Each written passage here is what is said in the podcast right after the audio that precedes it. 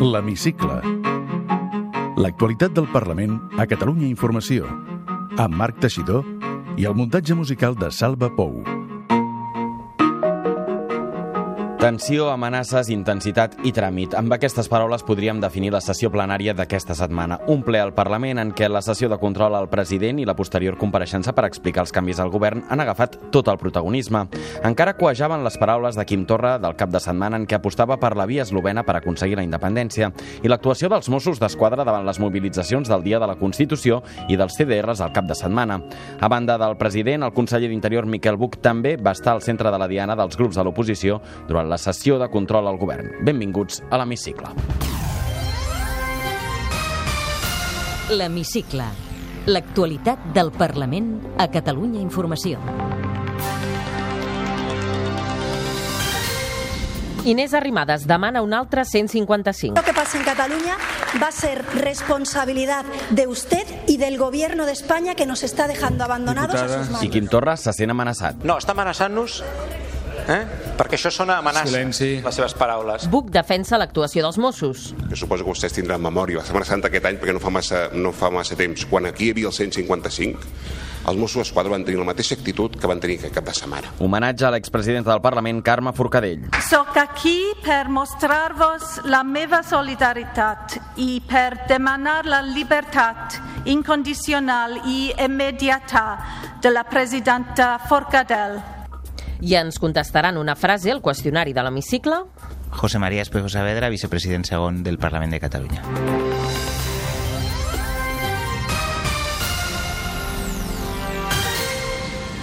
Setmana de ple al Parlament, amb la sessió de control al president i una compareixença a petició pròpia de Quim Torra per explicar els canvis al govern. L'oposició, però, també en demana una pels esdeveniments polítics dels darrers dies, una petició que es tomba amb els vots dels independentistes i l'abstenció dels comuns. Ho repassem amb Àngels López.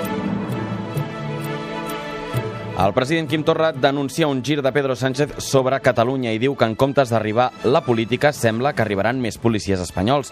La cap de l'oposició, Inés Arrimadas, adverteix que tot el que passi a Catalunya serà responsabilitat del president Torra i del govern del PSOE. Sessió de control d'alt voltatge polític al Parlament, simultània al debat del Congrés sobre Catalunya. El president Torra contesta a Pedro Sánchez que a Catalunya no hi ha cap conflicte de convivència, sinó un problema polític i de democràcia.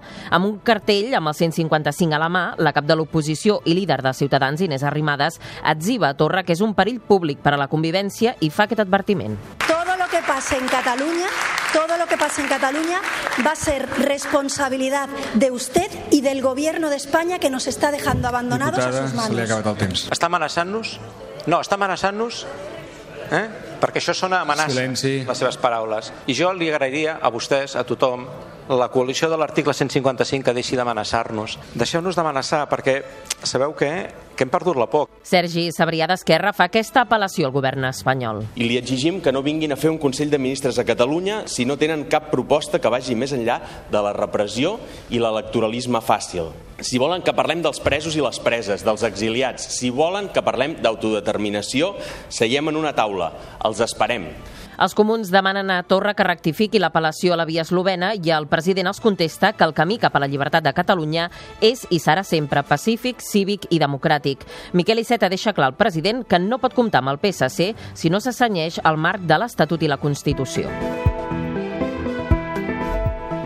Mossos a banda, la via eslovena proposada per Torra, com sentíem, també centra molts dels retrets de l'oposició. El president atribueix la polèmica i la seva vinculació amb Catalunya a l'impuls de discursos interessats que assegura que volen tapar l'èxit de la internacionalització del cas català. Segons el president, el viatge que va fer a Eslovènia va trencar un mur de silenci sobre la causa independentista, perquè per primer cop, des que es va iniciar el procés, un president de la Generalitat va ser rebut per un cap d'estat. Jo vaig tenir l'oportunitat de fer aquest viatge a Eslovènia. Penso que aquest viatge a Eslovènia va ser un viatge en el que per primera vegada es trenca el mur de silenci sobre els catalans. És la primera vegada que un cap d'estat, un cap d'estat d'un govern de la Unió Europea em rep. És la primera vegada que un president del Parlament i l'alcalde de Ljubljana doncs, també eh, em rep i, eh, com a president de Catalunya. Penso que això és un fet importantíssim i penso que sobre aquest fet justament després han vingut una sèrie de discursos interessats que han volgut tapar l'èxit l'èxit de la internacionalització del cas català. Torra reacciona així quan PSC i Catalunya en Comú Podem li retreuen que defensi la via eslovena com un exemple. Amb tot, vol reiterar que la seva aposta passa per moviments pacífics. I tornaré, perquè val la pena recordar-ho, que el camí cap a la llibertat de Catalunya és, ha estat i serà sempre cívic, pacífic i democràtic. Sempre. De fet, aprofita per demanar als comuns que s'assumin a aquest carril que és el que es necessita. I és que la presidenta del grup parlamentari de Catalunya en Comú Podem, Jessica Albiach, retreu al president les seves paraules. Les comparacions són sempre falses, però és que a més en aquest sentit no tenen trellat. Nosaltres no qüestionem l'èxit o no de la visita seva a Eslovènia. El que estem dient és que la via eslovena en cap cas pot ser la via per Catalunya i no estem parlant ni de morts, ni de ferits, ni de violència, ni d'exèrcit propi, que això n'hi ha gent que ho ha dit. Nosaltres el que diem és que la via eslovena va consistir en una secessió unilateral on més del 90% de la població eslovena estava a favor de la independència i no és el mateix cas del que estem vivint a Catalunya. D'una manera semblant s'expressa el líder del PSC, Miquel Iceta, que tot i acceptar les explicacions de Torra sobre la polèmica sorgida, remarca que els socialistes s'havien alarmat per la comparació i avisa que als Balcans Catalunya no troba cap exemple per avançar.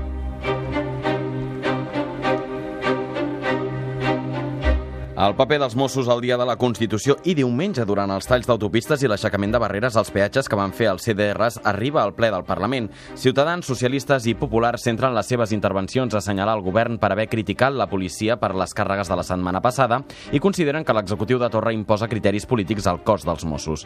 El president, que critica els que es van saltar les tanques de seguretat a Girona, aprofita per anunciar una taula d'entitats i moviments socials amb els Mossos per reforçar la prevenció. Tant el president Torra com el conseller Buch veuen com ciutadans, socialistes i populars fan pinya i comparteixen diagnòstic, però amb matisos diferents. Acusen l'abandó de funcions al govern i diuen que té voluntat de purgar els Mossos que no obeixen els responsables polítics. Ho diuen Carlos Carrizosa de Ciutadans, Carles Castillo del PSC i el popular Xavier García Albiol. ¿Usted consintió que los Mossos, seguramente maniatados por las amenazas de purga de ustedes, no hicieran nada? És, conseller, la segona targeta groga que li traiem i no el salva que hagi demanat disculpes, si m'ho permet. Vostè és el conseller d'Interior, no és un activista de carrer. Cada paraula del president de la Generalitat en relació als Mossos d'Esquadra és una humillació a la dignitat de la policia. Tant Buch com Torra neguen les acusacions. No posem els Mossos en el pim-pam-pum de la política, no la posem. No caiguem amb les provocacions de l'ultradreta. No es poden atacar els cordons policials com es van atacar. No es poden llançar batlles com es van llançar. No es poden llançar. Parla de deixadesa de funcions. De funcions és no pagar-nos els 800 milions d'euros que necessitem perquè el cos de Mossos d'Esquadra tingui totes les eines que li pertoca i que correspon a la professionalitat i a l'alta professionalitat del cos de Mossos d'Esquadra.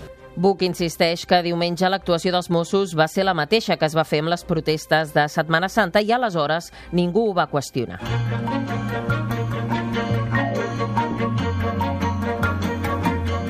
L'educació també entra al ple i el departament ofereix a Ciutadans una reunió per tractar sobre el que el Partit Taronja qualifica d'adoctrinament a les escoles. Davant les acusacions de la diputada Sònia Sierra de Ciutadans, Bargalló els proposa aquesta trobada. El dia que vostè vulgui i a nosaltres ens vagi bé per agenda, un grup de vostès i el departament ens reunim i mirem cas per cas i debatem cas per cas. Hi ha casos objectius i casos que són de debat. Bargalló assegura que el govern no censura els llibres de text.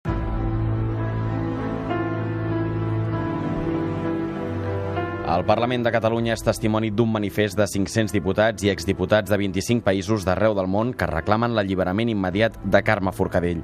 El manifest, impulsat pels expresidents del Parlament Joan Rigol, Núria de Gispert i Ernest Benac, denuncia que l'expresidenta de la cambra està injustament empresonada només per haver permès el debat parlamentari i que s'està fent servir la justícia penal com a instrument de coacció de l'activitat d'una institució com aquesta. Entre els signants hi ha la vicepresidenta del Parlament Europeu, els presidents i presidentes dels parlaments de Flandes, les Illes Fèroe, Euskadi, 35 eurodiputats, diputats del Quebec i de Xile. També la presidenta del Parlament de Gales, Ellen Jones.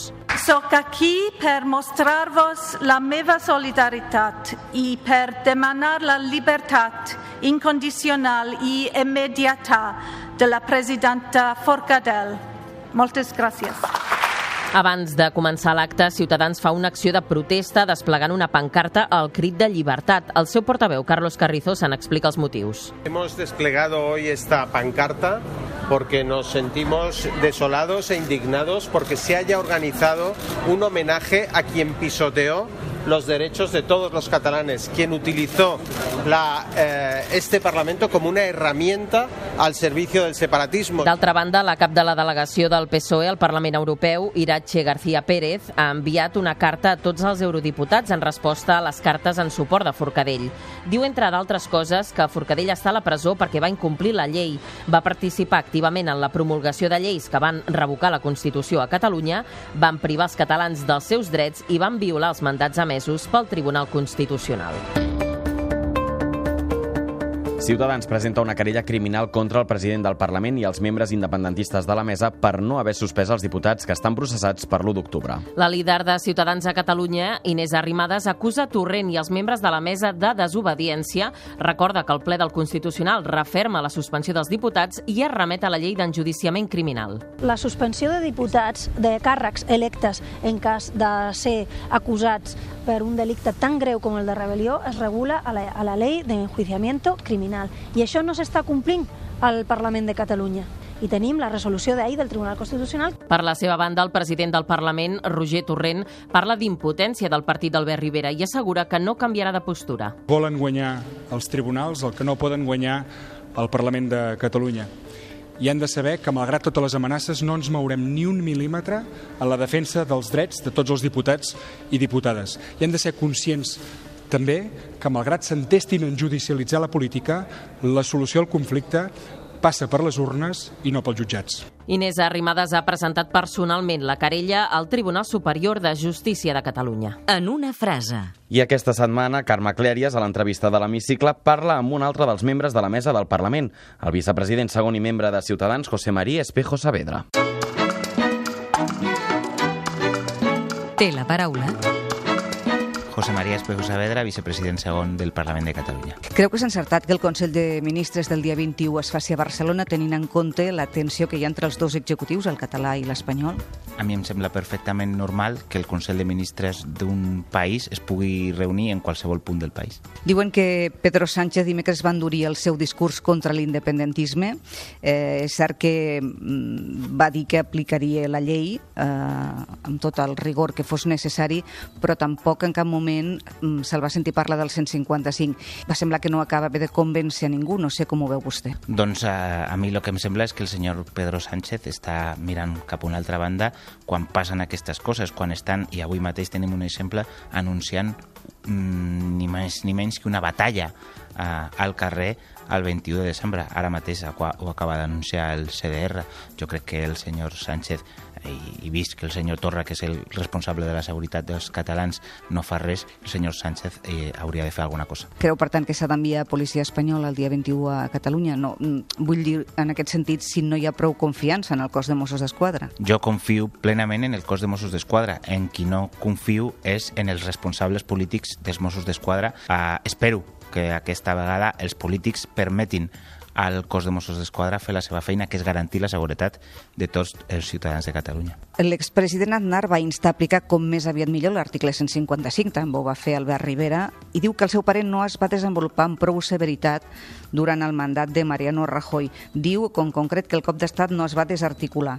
Voldria saber si està d'acord d'una banda i dos, si creu que s'ha d'intervenir Catalunya. Bé, jo crec que és evident que els, eh, les persones que van donar un cop a la democràcia continuen al Parlament i continuen amb la seva voluntat de tornar a fer el que ja es va fer. Si els responsables polítics actuals de Catalunya eh, tenen aquesta intenció, i sembla que sí, eh, doncs, evidentment, s'ha d'aplicar la Constitució. Per tant, vostè l'aplicaria de manera immediata, sense esperar el que hagi de passar. El que hagi de passar no és que hagi de passar, és que està passant. Ja estan passant coses. No s'ha d'esperar res. García Paje, el socialista que és president de Castella-La Manxa, no descarta que els partits independentistes es puguin il·legalitzar. I jo li pregunto si vostè n'és partidari. La posició de mi partido, eh, del meu partit, ara per ara, no és aquesta, sinó l'hauríem l'hauríem posat de manifest. Però la, a la vegada que dic això, també dic, doncs bé, jo dic que en altres països de la Unió Europea això ja existeix. Vostè creu, com ha dit algú, que el president Torra se l'hauria d'haver destituït quan hi va haver, per exemple, els incidents aquí al Parlament que van estar a punt d'entrar de, dins de, de l'edifici? Jo no sé si l'hauria d'haver destituït, però és que és evident que aquell mateix dia o pocs dies abans havia dit apreteu, apreteu. I eh, justament després d'això van intentar envair el Parlament. O sigui, això és molt greu, eh?, en qualsevol democràcia.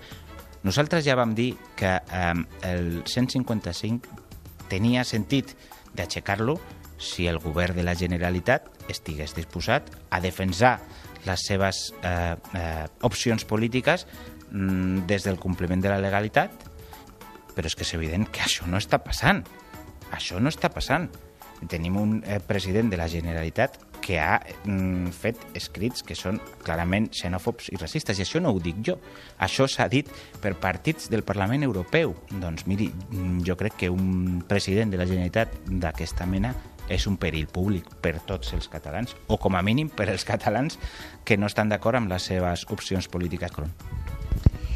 Li volia demanar que em pensa que hi hagi companys seus que, està, que estiguin a la presó, com a concepte, a mi no m'agrada que ningú estigui a presó perquè, a presó perquè és una situació, en fi, dolorosa, això és evident, i jo no me n'alegro de que ningú estigui a presó.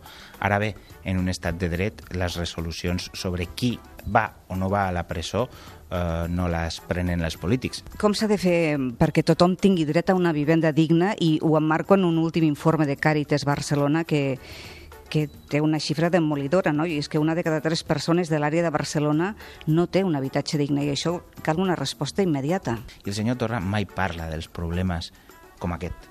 Jo no he escoltat al senyor Torra cap declaració solemne sobre el dret a la vivenda, sobre les infraestructures a Catalunya, sobre la sanitat a Catalunya.